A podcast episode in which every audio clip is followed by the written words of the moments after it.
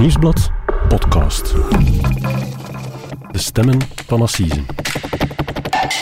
Hallo, mijn naam is Pieter Huibrechts, misdaadjournalist bij het Nieuwsblad. En ik ben Cedric Lagast, journalist bij diezelfde krant. En dit is onze podcast De Stemmen van Assise, waarbij we voor elk belangrijk proces in een zaak duiken en u meenemen achter de schermen van de rechtszaal. En vandaag leggen we u uit hoe het verder moet met het proces over de dood van Sanda Dia. Een proces dat in een impasse lijkt te zitten.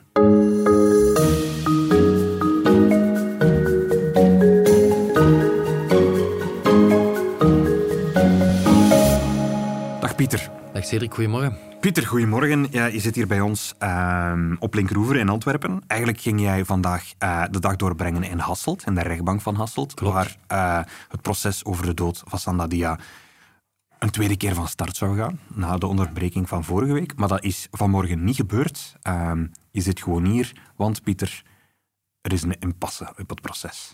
Ja, ja, normaal gezien stonden er de hele week in Hasselt eh, lange zittingen gepland, van 's ochtends vroeg tot 's avonds laat. De rechtbankvoorzitter zei zelfs van, we gaan elke avond tot tien uur eh, mogelijk doorgaan. Maar eh, inderdaad, het proces ligt, ligt stil. Dat is zijn- al van vrijdagmiddag. Vrijdagmiddag ehm, is dat nieuws op onze website verschenen. Leg eens uit, wat is er precies aan de hand? Wel ja, in, in de vroege namiddag, eh, rond iets over eh 14 uur, is er een, eh, een advocaat, eh, David den Donker, eh, op de Griffie binnengewandeld. En van wie is die de advocaat? Dat is de advocaat van de mama van eh Sandadia, Annemie de Vel. En die is de Griffie binnengestapt en die had eh, een eh, bundel papieren mee. Die tekende beroep aan formeel tegen een eh, beslissing op het zittingsblad die de rechtbankvoorzitter had genomen. En eh, dat impliceert dat het proces nu eh, voor onbepaalde tijd stil ligt. En voor alle duidelijkheid, het, het is de advocaat van de mama, dus het is de burgerlijke partij. Het is niet een van de advocaten van de reuzengommers die in de marge heeft gedaan. Het is ook niet parket of de rechter, het is de burgerlijke partij, de familie van Sandadia, de slachtoffers eigenlijk. Hoe uitzonderlijk is, eigenlijk, is het eigenlijk dat het, het uitgerekend de slachtoffers zijn die een proces laten stilleggen? Ja, ik denk dat je kan stellen dat dat eh, nog nooit gebeurd is eh, in de moderne eh, geschiedenis van justitie. Ehm, je moet weten, het zijn alle burgerlijke partijen samen. Eh, het is dus zowel de mama, de broer Seydou, als de papa Papisdia. Ehm, die hebben eigenlijk ja, op, op, op aangeven van hun advocaten hebben die, beroep aangetekend tegen een beslissing die de rechtbankvoorzitter ter zitting heeft genomen. En ja, het is ongezien dat een burgerlijke partij eigenlijk zo'n groot proces stillegt tijdens het proces. En het zijn dus niet de advocaten die ehm, die, die ingreep hebben genomen. Het, het, het is ook met goedkeuring van de familie. Hoe, hoe, hoe kijkt de familie daar zelf naartoe? Ja, dat, dat, is, dat, dat, is- heel dubbel eigenlijk. Want de familie wil al drie jaar en een half eh, maar één ding. Justice for Sanda. Die willen gerechtigheid. Die willen dat die rechtszaak vooruit gaat. Die pleiten daarom niet voor eh, gigantisch lange gevangenisstraffen. Hè. Daar zijn zij, zij niet mee bezig. Zij willen dat er gerechtigheid komt. En dat elk van die 18 reuzengommers eh, ja, op de juiste wijze gestraft wordt. En welke straf dat, dat dan is, dat is aan de rechtbank. Ehm, ja, zij zijn niet gebaat bij eh, vertraging, want je weet, Cedric, de voorbije jaren is er heel veel gebeurd in die zaken. Er zijn extra onderzoeksdaden eh, gevraagd. Eh, er is een raadkamervoorzitter vergeefs gevraagd. Dat heeft allemaal langer geduurd dan, dan, dan, dan gepland. Nu is er eindelijk een proces en nu is het eigenlijk tegen wil en dank dat die familie zelf dat proces stillegt. Nu, ze hebben vrijdagmiddag zelf ook een, een, een verklaring verspreid eh, met, met hoe dat zij daarop kijken, wat zij daarbij voelen. Eh, we hebben die laten voorlezen door een stemacteur. Laten we heel even luisteren. Wat is er met onze zoon? Wat is er met mijn broer gebeurd? Waarom heeft niemand hem geholpen? Hoe is dit kunnen gebeuren? Waarom? Waarom zwijgt iedereen? Dit zijn de vragen waarop wij een antwoord verwachten.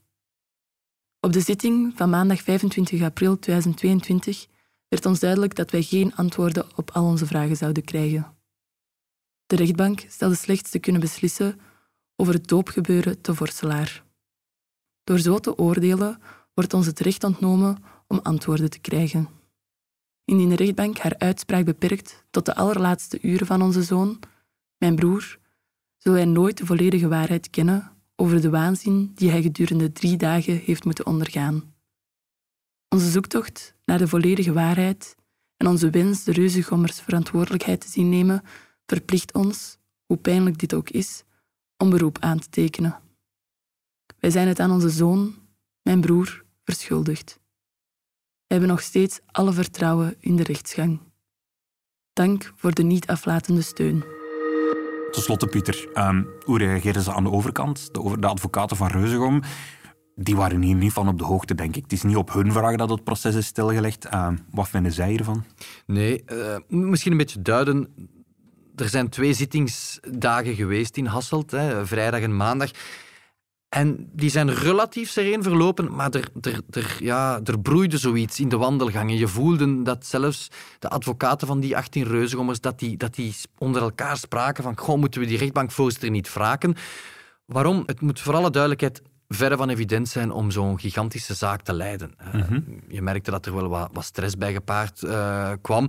En die, die voorzitter die liet zich een paar keer opmerken ter zitting met ja, toch wel wat opvallende passages. Hè. Er was een sneer naar de topadvocaten in de zaak hè, toen ze voorstelden om, om een herkwalificatie te overwegen.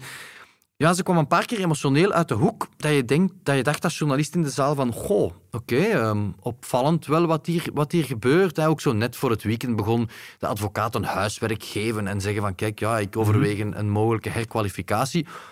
Allemaal vreemd. En ik hoorde van verschillende advocaten of de record van goh, ze maakten het toch wel uh, relatief bond. Hè. Mhm.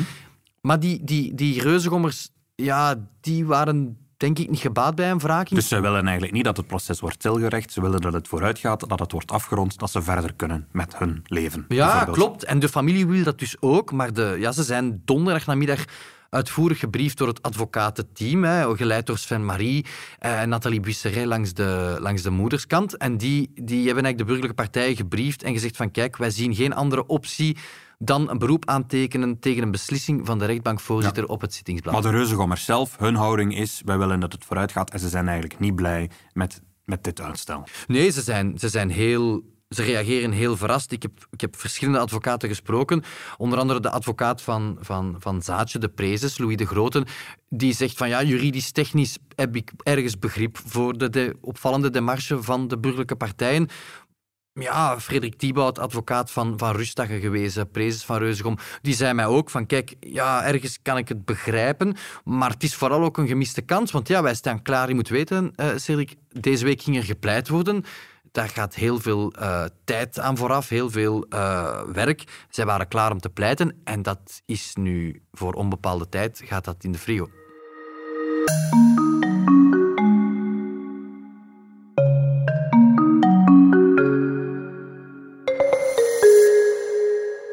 Laten we het eens heel concreet maken. Uh, laten we eens uh, bekijken waarom dat de burgerlijke partijen dat proces nu eigenlijk hebben, hebben laten stilleggen. Want is zoals je zegt, eigenlijk willen zij vooral justice Standa. Zij willen vooral dat er uh, een proces gevoerd wordt en dat er een vonnis geveld wordt over die reuzengommers.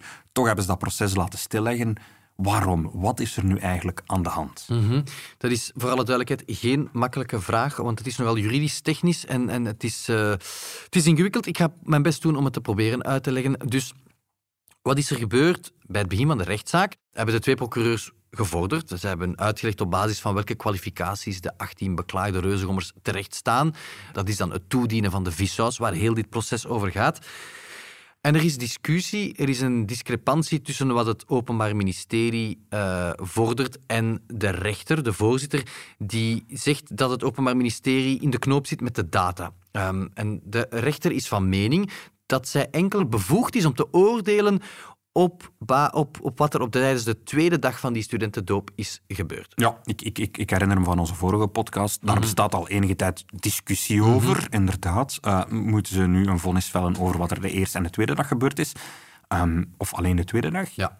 Maar bon, dat zal de rechter dan finaal in haar vonnis wel doen, denk ik. Goh, ja, dat, is een discussie die al dus een, een, tijdje aansleept. Het gaat dus over, over concreet, hè, 4 december 2018 de doop in Leuven, 5 december 2018 de doop in Voorselaar. De familie wil dat, het, dat die hele doop behandeld wordt en, en, en, dat de rechtbank zich daarover uitspreekt. En de rechter heeft ter zitting aangegeven van kijk, ik vrees me wat ik hier het OM hoor vorderen, dat ik mij enkel kan uitspreken over dag twee van de doop. Ja, en dat is die... begin vorige week aan het, het, debat geweest. Wat is er dan nu veranderd, waardoor dat de familie nu toch denkt, we moeten hier op de rem gaan staan? Wel, het Openbaar Ministerie heeft dan op die suggestie van de rechtbank geantwoord en gezegd van kijk, volgens ons kunnen die kwalificaties blijven en kan u oordelen, eh, mevrouw de voorzitter, over de twee data, over de hele doop. Mm Voor alle duidelijkheid, ook de burgerlijke partijen menen dat, dat het OM daar ergens gelijk in heeft en dat er over de hele doop kan uh, geoordeeld worden. Maar, wat heeft de rechtbankvoorzitter uh, intussen gedaan?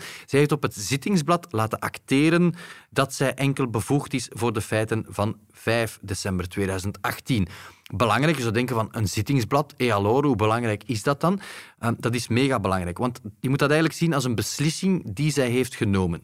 Ze heeft eigenlijk al een beetje naar haar kaarten laten kijken. Ja, ze heeft eigenlijk kleur bekend, hoewel ze uh, stricto sensu, dus volgens het OM en volgens de burgerlijke partijen en ook volgens verschillende reuzegom-advocaten, geen kleur had moeten bekennen. Er is een beslissing genomen, die is onherroepelijk, die is definitief. En het is tegen die beslissing op het zittingsblad, die 5 december 2018, dat de burgerlijke partijen nu beroep hebben aangetekend. Want ze vrezen dat die rechter enkel zal oordelen over wat er op de tweede dag van de doop gebeurd is. Mhm. En dus dat er een heleboel reuzegommers de dans zullen ontlopen. Dat er een heleboel de reuzegommers niet gaan gestraft worden, omdat ze eigenlijk op dag 2 eigenlijk niet zozeer Sandadia de vissaus hebben toegediend, terwijl ze eigenlijk op dag 1 wel Um, bepaalde misdrijven zouden hebben gepleegd, inderdaad. En, en dat is het, het, het, doemscenario voor de familie dat ze absoluut willen vermijden. Uh, Sandadia is gestorven na een doop die, die op 3 december begint en 5 december eindigt. En zij zeggen van, kijk, je moet oordelen over die hele doop. En dan kiezen ze de vlucht vooruit. En moeten we dat dan zien? Heeft hier nu iemand een fout in gemaakt? Is het de fout van het parket dat ze niet duidelijker hebben aangegeven? Je moet over die twee dagen oordelen. Is het een fout van een rechter dat ze echt per se alleen maar over dag twee wil oordelen? Of is het gewoon een meningsverschil? Het is een, eh, dat, is een, dat is een zeer goede vraag, een moeilijke vraag. Ik denk dat de rechter doorhad dat er mogelijk een juridisch probleem was met wat ze in de vordering las. Zij heeft een suggestie gedaan, heel subtiel kan je het niet noemen. Ze heeft eigenlijk gezegd van kijk, eh, beste procureurs, pas, u, pas die kwalificaties aan, want ik zit met een juridisch probleem. Die procureurs hebben die voorzet niet binnengekopt, maar eerder naast gekopt. En dan... Mhm heeft zij, heeft zij dat geacteerd. En ja, dan zit je met een, een, een fait accompli, een soort ja, voldongen feit. En ja, als je dan Sven Marie en Nathalie Buisser hoort bijvoorbeeld, die zeggen van ja, we hadden geen andere optie dan dan een uitweg zoeken. Want ja, er was een scenario mogelijk dat heel veel reuzengommers uh, vrijgesproken zouden worden of slechts mm licht gestraft. En dat krijgen zij aan hun cliënten natuurlijk niet, niet uitgelegd. Nee, nu, het, het, is, we zijn drieënhalf jaar na de dood van Standardia. Het heeft mhm. al heel lang geduurd voordat er een proces kwam. Dat dit proces nu opnieuw stil ligt, is dat dan pijnlijk voor justitie? Ja, dat is pijnlijk voor justitie. Ja. Het was al pijnlijk dat, dat, dat ze eigenlijk ter zitting moesten aangeven dat de zittingszaal mogelijk niet gereserveerd was voor zeg maar het proces van het jaar. Dat was, al, dat was al hoogst opmerkelijk. Ja, dat het stil ligt nu. Mhm. Nu ligt dat proces eigenlijk voor onbepaalde tijd stil. Er is een kans dat we nooit meer in Hasselt gaan... Uh, gaan, gaan, gaan zien wat er en wat, met die nooit meer in Hasselt komen, wat zijn de mogelijke oplossingen voor dit probleem? Wat zijn de mogelijke opties die nu op tafel liggen? Wel, het proces ligt nu stil in Hasselt. Hè. Ehm, er wordt niet gepleit, er zijn geen zittingen. En mhm. we, gaan, we verschuiven eigenlijk nu de hele zaak naar het Hof van Beroep in Antwerpen. Daar gaan drie rechters zich eerst buigen over die, dat beroep dat de burgerlijke partijen hebben ingesteld. Van ja, eh, wat is dat met dat zittingsblad? Wat is daar fout gelopen? Uh, hebben ze gelijk? Hebben ze een punt? Mhm. Dan zijn er twee opties. Ofwel krijgen Marie en Co. ongelijk, dan gaan we terug naar Hasselt. Dan blijven die twee procureurs aan zet. Dan blijft ook die rechtbankvoorzitter aan zet. En dan gaan we gewoon verder, waar we gestopt zijn. Krijgen Marie en Co. zegt dus maar de nabestaanden van Sandadia gelijk met hun vraag. Dan, uh, dan wordt de zaak geëvokeerd. Dat wil zeggen, dan gaan we naar het Hof van Beroep in Antwerpen. En dan, gaan we, ja, dan gaat de zaak opnieuw van start. Dan krijg je een procureur-generaal die de zaak overneemt, die dan zal vorderen. En dan krijg je ja, het Hof van Beroep, dat zal dan oordelen. Moet het hele beroep, dan moet het hele proces opnieuw gevoerd worden voor het Hof van Beroep in Antwerpen.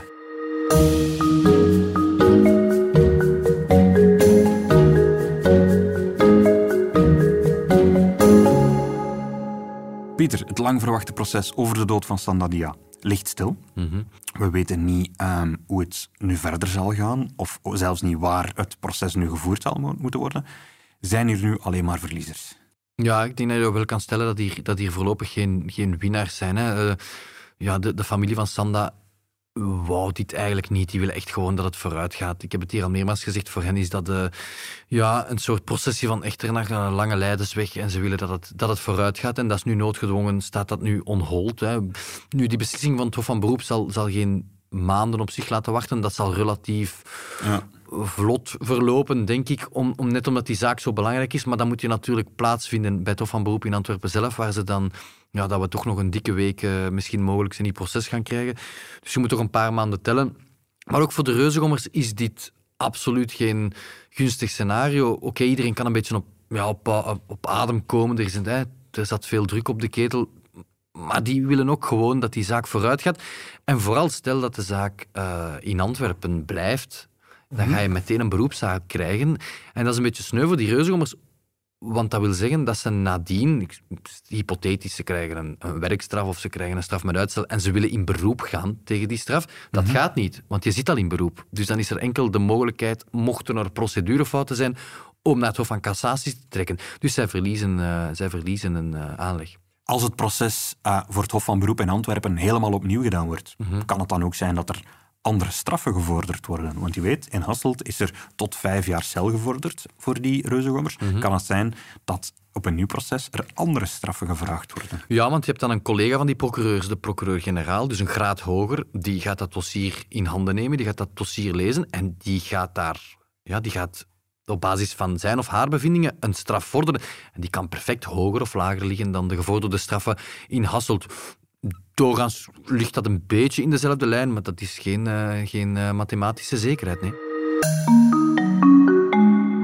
Oké, okay, Peters. Uh, we kunnen alleen maar afwachten, denk ik. Uh, als er een oordeel, een beslissing volgt in Antwerpen, dan zullen we dat zeker kunnen lezen in de krant, in, op onze website of op de app.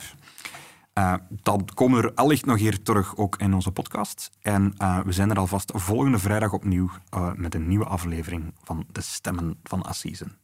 Tot vrijdag. Dit was De Stemmen van Assisen, een podcast van het Nieuwsblad. De stemmen waren deze week van Pieter Huibrechts en van mezelf, Cedric Lagast. De montage gebeurde door Pieter Schrevens van House of Media. En de productie was in goede handen bij Bert Heijvaart en Joni Keimolen.